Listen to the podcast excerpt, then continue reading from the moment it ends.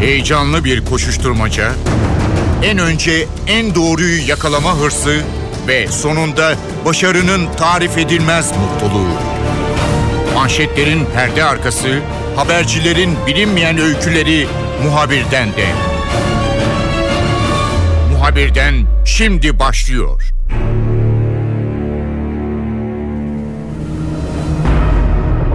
Suriye krizinin etkileriyle boğuşan Türkiye yepyeni bir durumla karşı karşıya. Göç dalgası, bölgedeki terör endişesi, Kürt grupların Türkiye'ye yönelik saldırıları derken bu kez çok daha farklı bir güç sahneye çıktı. Rusya eskiden beri Suriye'de askeri varlık bulunduruyordu. Bir takım e, üsleri vardı. Ancak Rusya Suriye'deki varlığını birden çok daha farklı bir boyuta taşıdı hem orada bir takım askeri personel sayısını arttırdı ve Rus savaş uçakları doğrudan operasyonlar düzenlemeye başladılar rejimi korumak için. Bu uçaklar Türk hava sahasında ihlal etmeye başladı ve ihlalin yanı sıra Suriye üzerinden gelen bazı füze tehditleri de artmaya başladı. Dolayısıyla son derece ilginç ve Türkiye açısından da çok önemli bir potansiyel, kriz potansiyeliyle karşı karşıyayız. Bu durumu NTV Haber Müdürü Uğur Şefkat'le konuşacağız. Muhabirden başlıyor. Ben Kemal Yurteli. Uğur Türkiye çok yeni bir e, tehditle karşı karşıya. E, daha doğrusu tehditle karışık e, bir durumla karşı karşıya desek e, belki tam e, durumu tanımlamış olacağız. E, Suriye'deki e, bu iç savaşa e, müdahil olan Rusya uçaklarını gönderdi oradaki üslerine ve birden de Türk hava sahasında e, sıkıntı yaratmaya başladı. Bu durum nereden kaynaklanıyor? Onu hatırlatır mısın bize?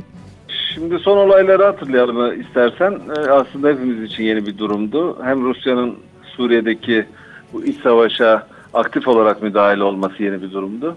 Ee, bunun şaşkınlığı devam ederken üstüne üstlük bir de e, Türk hava sahasının ihlalleri gündeme geldi. Ne oldu? Ee, 3-4 Ekim tarihinde biliyorsunuz iki ayrı ihlal yaşandı. 3 Ekim'deki olayda bir Su-30 e, uçağı, e, Rusya Hava Kuvvetleri'ne e, ait bir Su-30 uçağı Türk hava sahasını ihlal etti birkaç dakika süreyle ve Türkiye'nin tepkisi buna sert oldu. Diplomatik girişimler başladı. İşte Dışişleri Bakanımız Lavrov'la görüştü, Rus Dışişleri Bakanı'yla. Diplomatik kanallardan Türkiye sert tepkisini ortaya koydu. E, bu devam ederken 4 Ekim'de ikinci bir ihlalin olduğu ortaya çıktı. E, orada da Su-24 tipi bir e, Rus Hava Kuvvetleri'ne bağlı savaş uçağı yine Türkiye hava sahasını ihlal etti. E, her iki olayda da Türkiye Rusya'nın buradaki Ankara Büyükelçisi Dışişleri Bakanı'na çağırdı. Sert bir protesto notası verildi ve de, biliyorsunuz NATO devreye girdi. Sert açıklamalar geldi Türkiye'nin müttefiklerinden. E, bu aslına bakarsanız e, yani Rus Hava Kuvvetleri'nin e, daha e, Suriye'deki harekatın ilk günlerinde e, Suriye işlerindeki hareketin ilk günlerinde Türk hava sahasının ihlali e, hem bizim açımızdan şaşkınlık vericiydi hem de Türkiye'deki hem diplomatik hem de askeri karar vericiler açısından da yarattığı yeni durum itibariyle de yeni tedbirlerin gündeme getirilmesine e, sebebiyet verdi. Şimdi e, aslına bakarsanız Türkiye hem bu ihlallerin bir daha yaşanmaması konusunda bir takım girişimlerini devam ettiriyor. E, bir yandan da eğer bu ihlallerin devam edecek olursa buna karşı ne tür tedbirler alınır? E, bunları tartışmaya devam ediyor. Bir yandan da Ankara'da buna karşı ne tür tedbirler alınır? Onların altyapıları hazırlanmaya çalışılıyor Kemal. Uğur biraz da Rusya'nın bu e, hareketi sanki biraz geçmişe baktığımız zaman e, hatırlayabildiğim kadarıyla önce e, bu Baltık Denizi'nde Oradaki e, bazı ülkeler şikayet etmeye başladılar. Rus uçaklarının tekrar devre uçuşlarına e, başladığı yönünde. Sonra belki sen de hatırlarsın Karadeniz'de e, keşif uçaklarıyla Rus keşif uçaklarının ben birkaç defa Türk F-16'ları tarafından engellendiğini sanki hatırlıyorum. Arkasından Suriye orada zaten bir askeri üssü vardı. Türkiye'nin bu itirazı ve endişesi sanıyorum veya senin değerlendirmeni soracağım. Ee, bir hava sahasını korumakla mükellef bir ülke. İkincisi Rusya var karşıda ve e, bir uçağın düşürülmesi örneğin veya başka bir şey çok ciddi krize de neden olabilir. Ee, Türkiye hangisini yaşıyor? Yani e, sorunun çözümü konusunda örneğin daha önce yapılan e, girişimler sonuçsuz mu kaldı? Evet şimdi dediğin doğru. Ee, Türkiye Rus Hava Kuvvetleri'nin bu tür ihlallerle ilk defa karşılaşıyor değil. Dediği gibi Karadeniz'de bu tür ihlaller geçtiğimiz yılda birkaç kere olmuştu ki Genelkurmay Başkanı da bunu açıklamıştı. E, aslına bakarsanız o tam bir hava ihlali değildi ancak Türk hava sahasına çok yaklaşmıştı Rus istihbarat uçakları. Ancak o dönemde Rus hükümeti Soçi'deki olimpiyatları gerekçe göstererek o çerçevedeki bir güvenlik önlemi nedeniyle bu uçuşların yapıldığını söyleyerek e, konuyu geçiştirmişti. Yani Türkiye'nin tepkileri üzerine de bildiğim kadarıyla epey bir süredir de Karadeniz'de bu tür ihlaller yaşanmıyor. Suriye özeli tabii Suriye konusu çok farklı bir e, konu. E, hemen yanı başımızda devam eden bir iç savaş var. E, Rusya'nın e, hava kuvvetleriyle bu derece güçlü bir şekilde oraya girmesi, Türkiye'nin e, de Suriye'deki bu iç savaşta taraf olması bir anda dengeleri değiştirdi. Suriye e, muhtemelen Ankara'daki değerlendirmeler de öyle. Biliyorsunuz e, Türkiye'nin Suriye'deki bu iç savaş başladıktan sonra özellikle 2012'de Türk Hava Kuvvetleri'ne bağlı bir savaş uçağının Suriye hava savunma sistemleri tarafından düşürülmesinden sonra ilan ettiği bir angajman kuralı var. E, bu şöyle işliyordu. Bu Rus ihlaline kadar Suriye Hava Kuvvetleri'ne ait herhangi bir hava aracının Türk sınırına belirli bir mesafe yaklaşmasına izin verilmiyordu. Eğer bu mesafe delinirse Türk Hava Kuvvetleri'ne bağlı savaş uçakları kalkıyor ve önleme uçuşları yapıyordu. Bunun dışında eğer Türk hava sahası Suriye Hava Kuvvetleri'ne ait herhangi bir hava taşıt tarafından ihlal edilirse de düşürülüyordu. Nitekim şimdiye kadar Türkiye bu çerçevede, bu angajman kuralları çerçevesinde e, bir Suriye savaş uçağını, bir helikopterini ve bir insansız hava aracını e, sınır ihlali yaptığı gerekçesiyle düşürmüştü. Bu etkin olarak uygulanıyordu. Şimdi Rusya'nın e, devreye girmesiyle birlikte sanki e, Rus Hava Kuvvetleri Türkiye'nin bu angajman kuralını denediğini gösteriyor. Yani angajman kurallarını Türkiye kendisi için ne kadar işletecek bu konuda ne kadar kararlı. E, bir bunu göstermeye çalışıyor Ankara'daki yapılan değerlendirmeler bu yönde. E, iki Rusya Suriye içerisinde gerçekleştirdiği hava harekatlarında Suriye sınırının bu kapsam dışında olmadığını da ispat etmeye çalışıyor. Yani işte güneyde, Suriye'nin güneyinde ya da orta bölgelerinde değil, Türkiye sınırında da e, tehdit var. E, ben bu sınırdaki e, bu tehdit unsurlarında bombalarım e, demeye çalışıyor ve bunu yaparken de Türkiye'nin angajman kurallarını ne kadar etkin bir şekilde e, işletilip işletmeyeceğini test etmeye çalışıyor. Ankara'daki değerlendirmeler bu yönde Kemal. Uğur Genelkurmay'ın açıklamalarına baktığımız zaman iki tür tehdit görüyoruz. Bir, Rus savaş uçakları veya MiG'ler. Bunlar Suriye'de ait olabilir. Uçakları taciz ediyorlar veya en azından bu şekilde uçmaları bile çok ciddi bir e, kriz potansiyeli yaratıyor. İkincisi de yerde konuştu. E, Genelkurmay'ın SA füzeleri dediği yani karadan havaya füzeler var ve bunların da radarları Türk F-16'larına tehdit yaratıyor. Türk Silahlı Kuvvetleri bu gelişmeleri nasıl takip ediyor? Evet aslına bakarsan e, şu an Türk Silahlı Kuvvetleri'nin en etkin e, konuşlandığı bölgelerden biri zaten uzunca bir süredir oradaki tehditten ötürü Suriye sınırıydı. E, hem karadan hem de e, havadan gelecek tehditlere karşı e, neredeyse kara kuvvetlerinin e, önemli hatırı sayılabilecek miktardaki bir gücü orada bulunduruluyordu. Hava kuvvetlerinin de öyle. E, dediğin gibi hava kuvvetleri e, zaten her gün e, Diyarbakır'dan kalkan uçaklarıyla Suriye sınırı boyunca devriye uçuşları, önleme uçuşları e, yapıyordu. E, şimdi orada bunun üzerine koyacak e, Türkiye'nin aslına bakarsan şu ana kadar aldığı tedbirlerin üzerine koyacak ekstra bir tedbiri göze çarpmıyor. Ancak e, son günlerde e, dikkatimizi çeken şöyle bir şey var. Örneğin Rus ihlalinin başladığı günden bu yana e, Türk Hava Kuvvetleri'nin PKK'ya karşı özellikle Kuzey Irak'taki hava harekatlarının durduğunu görüyoruz. Ee, burada sanki oradan yani Suriye'den gelecek tehditin e, nasıl şekilleneceği ve nasıl yol olacağı konusunda bir e, risk olduğu için sanki hava kuvvetlerinin ilgisini e, biraz daha Suriye tarafına yönlendirmiş gibi görünüyor Türkiye. onun dışında bölgede zaten Türk Silahlı Kuvvetleri'nin envanterinde bulunan bazı hava savunma sistemleri var. Onlar zaten Suriye sınırı boyunca konuşlanmış durumda. Ee, ancak eskiden iki ya da üç uçakla yapılan devriye uçuşlarının şimdi 8-10 uçağa kadar çıktığını söyleyebiliriz Suriye sınırı boyunca.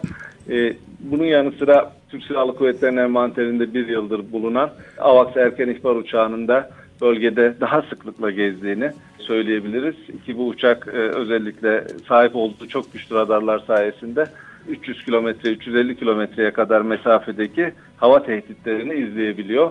Bu uçağın da e, daha sıklıkla e, devrede olduğunu söyleyebiliriz. Burada yalnız Türkiye'nin yaptığı şöyle bir girişim olduğunu biliyoruz NATO nezdinde. Biliyorsunuz Türkiye'de e, Amerika, Hollanda ve İspanya'ya ait 3 ayrı şehrimizde e, Patriot hava savunma bataryaları vardı. Bunlardan ikisini e, çekme kararı almıştı NATO. Şu anki tehdit yani Rusya'nın bu ihlalinden sonra ortaya çıkan tehdit nedeniyle bu Patriot bataryalarının e, kalması eğer çekilecekse de yenilerinin gelmesi konusunda NATO nezdinde bazı girişimler olduğunu biliyoruz.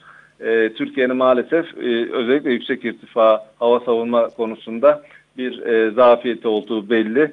O konuda elinde e, gelişmiş sistemler yok Türkiye'nin e, ve bu açığını da NATO'dan kapatmaya çalışıyor. E, muhtemelen önümüzdeki günlerde bu Patriot bataryalarının e, Türkiye'de göreve devam etmesi konusunda e, NATO'dan bir karar çıkmasını da bekleyebiliriz Kemal. Uğur sen NATO deyince e, bugün bazı gazetelerde de yorumlar vardı. Yani NATO sanki Türkiye'yi e, destekler gibi görünüp e, cesaretlendiriyor veya başka bir takım teşvik edici rol mü oynamak istiyor diye kuşku duyanlar da vardı. Bunların tabii neye dayandığını tam açıkçası ben e, bilmiyorum ama e, özellikle bu Patriotlar konusunda Almanya'nın e, geri çekme kararı aldığını, bütün bu Suriye krizi sürmesine rağmen e, kararı aldığını hatırlıyoruz. Daha önce Türkiye e, NATO'dan e, farklı konularda destek aldığı zaman NATO'nun e, karar vermekte çok zorlandığını hatta Türkiye'yi üzecek şekilde bir takım tartışmaların ve suçlamaların da NATO içerisinde seslendirildiğini biz hatırlıyoruz. Bunlar çok uzun zaman değil. Şimdi birden çok öne çıkan biz her şeyi yaparız Türkiye için birlikte göndeririz şunu da yaparız diyen bir NATO var. Ama e, NATO Genel Sekreterinin bu açıklaması sırasında kendisine Patriotlar sorulduğu zaman da bu işte ittifak içerisinde değerlendiriyor falan diyor. Yani her şeyi yapabileceğini söylüyor NATO ama e, bu Patriotlar konusunda işte daha karar veremediğini söylüyor. Biraz çelişkili bir e, durum. Türkiye bu NATO'nun desteğini hakikaten çok güçlü bir mesaj olarak mı algılıyor? Yoksa hani her koşulda ben biraz da kendi başımın çaresine bakacağım gibi mi değerlendiriyor? Sen ne diyorsun bu işaretlere? Ee, şimdi belki bu konuyu ikiye ayırmak lazım. Ee, şöyle ki Rus ihlalinin başlamasından sonra e, NATO'nun e, bu olaya tepki vermesi konusunda girişimde bulunan en başta Türkiye oldu. Yani Türkiye şunu istedi. Sonuç itibariyle ihlal edilen sadece Türkiye sınırı değil, e, Türkiye hava sahası değil. Türkiye hava sahası aynı zamanda NATO'nun da hava sahası. Bu nedenle NATO'nun hava sahası da ihlal edilmiş oldu e, gerekçesiyle NATO'nun güçlü bir şekilde Türkiye'nin arkasında durması ve destek vermesi konusunda e, NATO makamlarında e, nezdinde girişimleri olduğunu biliyoruz. Bu asla bakarsanız daha önce Türkiye'nin Suriye konusunda ve diğer başka konularda işler bu noktaya geldiğinde NATO'yu devreye soktuğunu hep biliyoruz. Yani NATO'nun arkasında en azından siyasi anlamda durduğunu göstermek istiyor.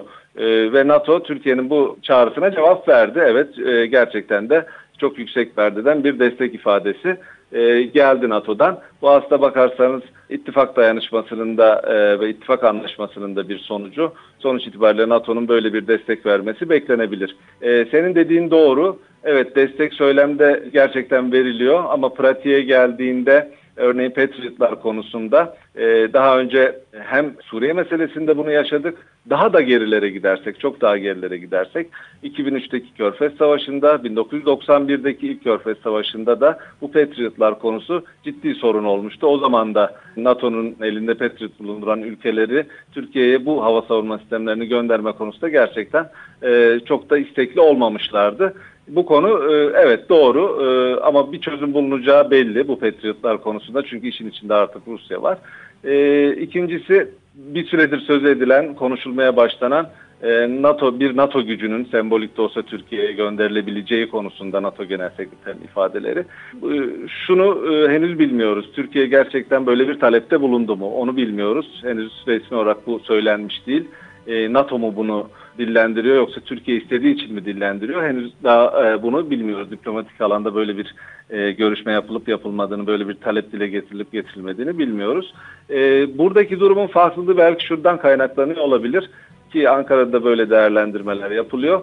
E, işin içine Rusya'nın girmesi, Rusya'nın sadece Suriye konusunda değil buraya gelene kadar Ukrayna'daki tavrı, Kırım'ı ilhakı e, gibi son yıllarda, son birkaç yıldır biraz e, genişleme ve NATO'nun etkinlik sahasına doğru e, elini uzatması politikasına karşı bir kararlı duruş sergilemek gibi sadece Türkiye'yi korumak değil ancak Rusya'nın son yıllardaki politikalarını ki Suriye'ye de böyle aktif olarak girmesi bu politikaları e, daha doğrusu bu endişeleri daha da güçlendiriyor.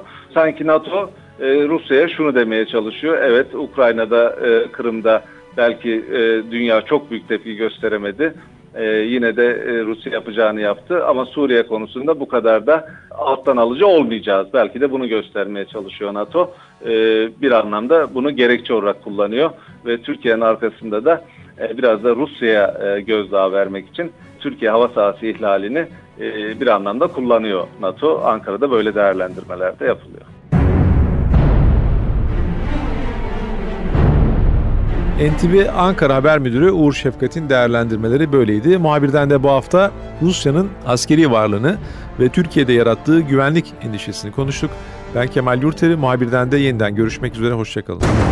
Haber için değil de haberin hikayesi için şimdi onlara kulak verme zamanı. Muhabirden NTV Radyo'da.